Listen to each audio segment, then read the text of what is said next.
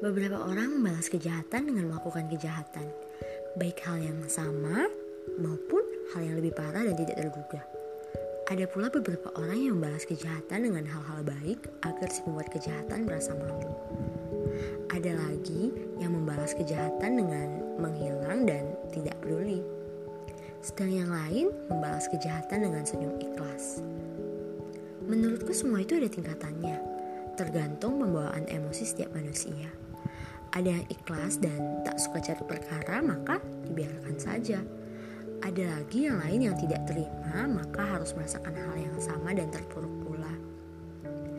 Semuanya sah-sah saja, karena itu semua adalah refleksi dari pembawaan emosi setiap manusia.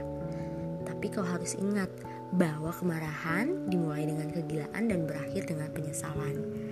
Jangan sampai kemarahanmu membawa petaka bagi dirimu hiburlah hatimu, sirami dengan percikan hikmah.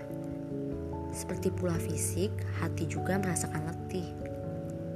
Luka tak harus selalu dibalas dengan luka, karena apa pun yang menyakitimu hari ini, suatu hari nanti akan merasakan tersakiti atau bahkan lebih menyakitkan, karena balas dendam terbaik adalah menjadikan dirimu lebih baik.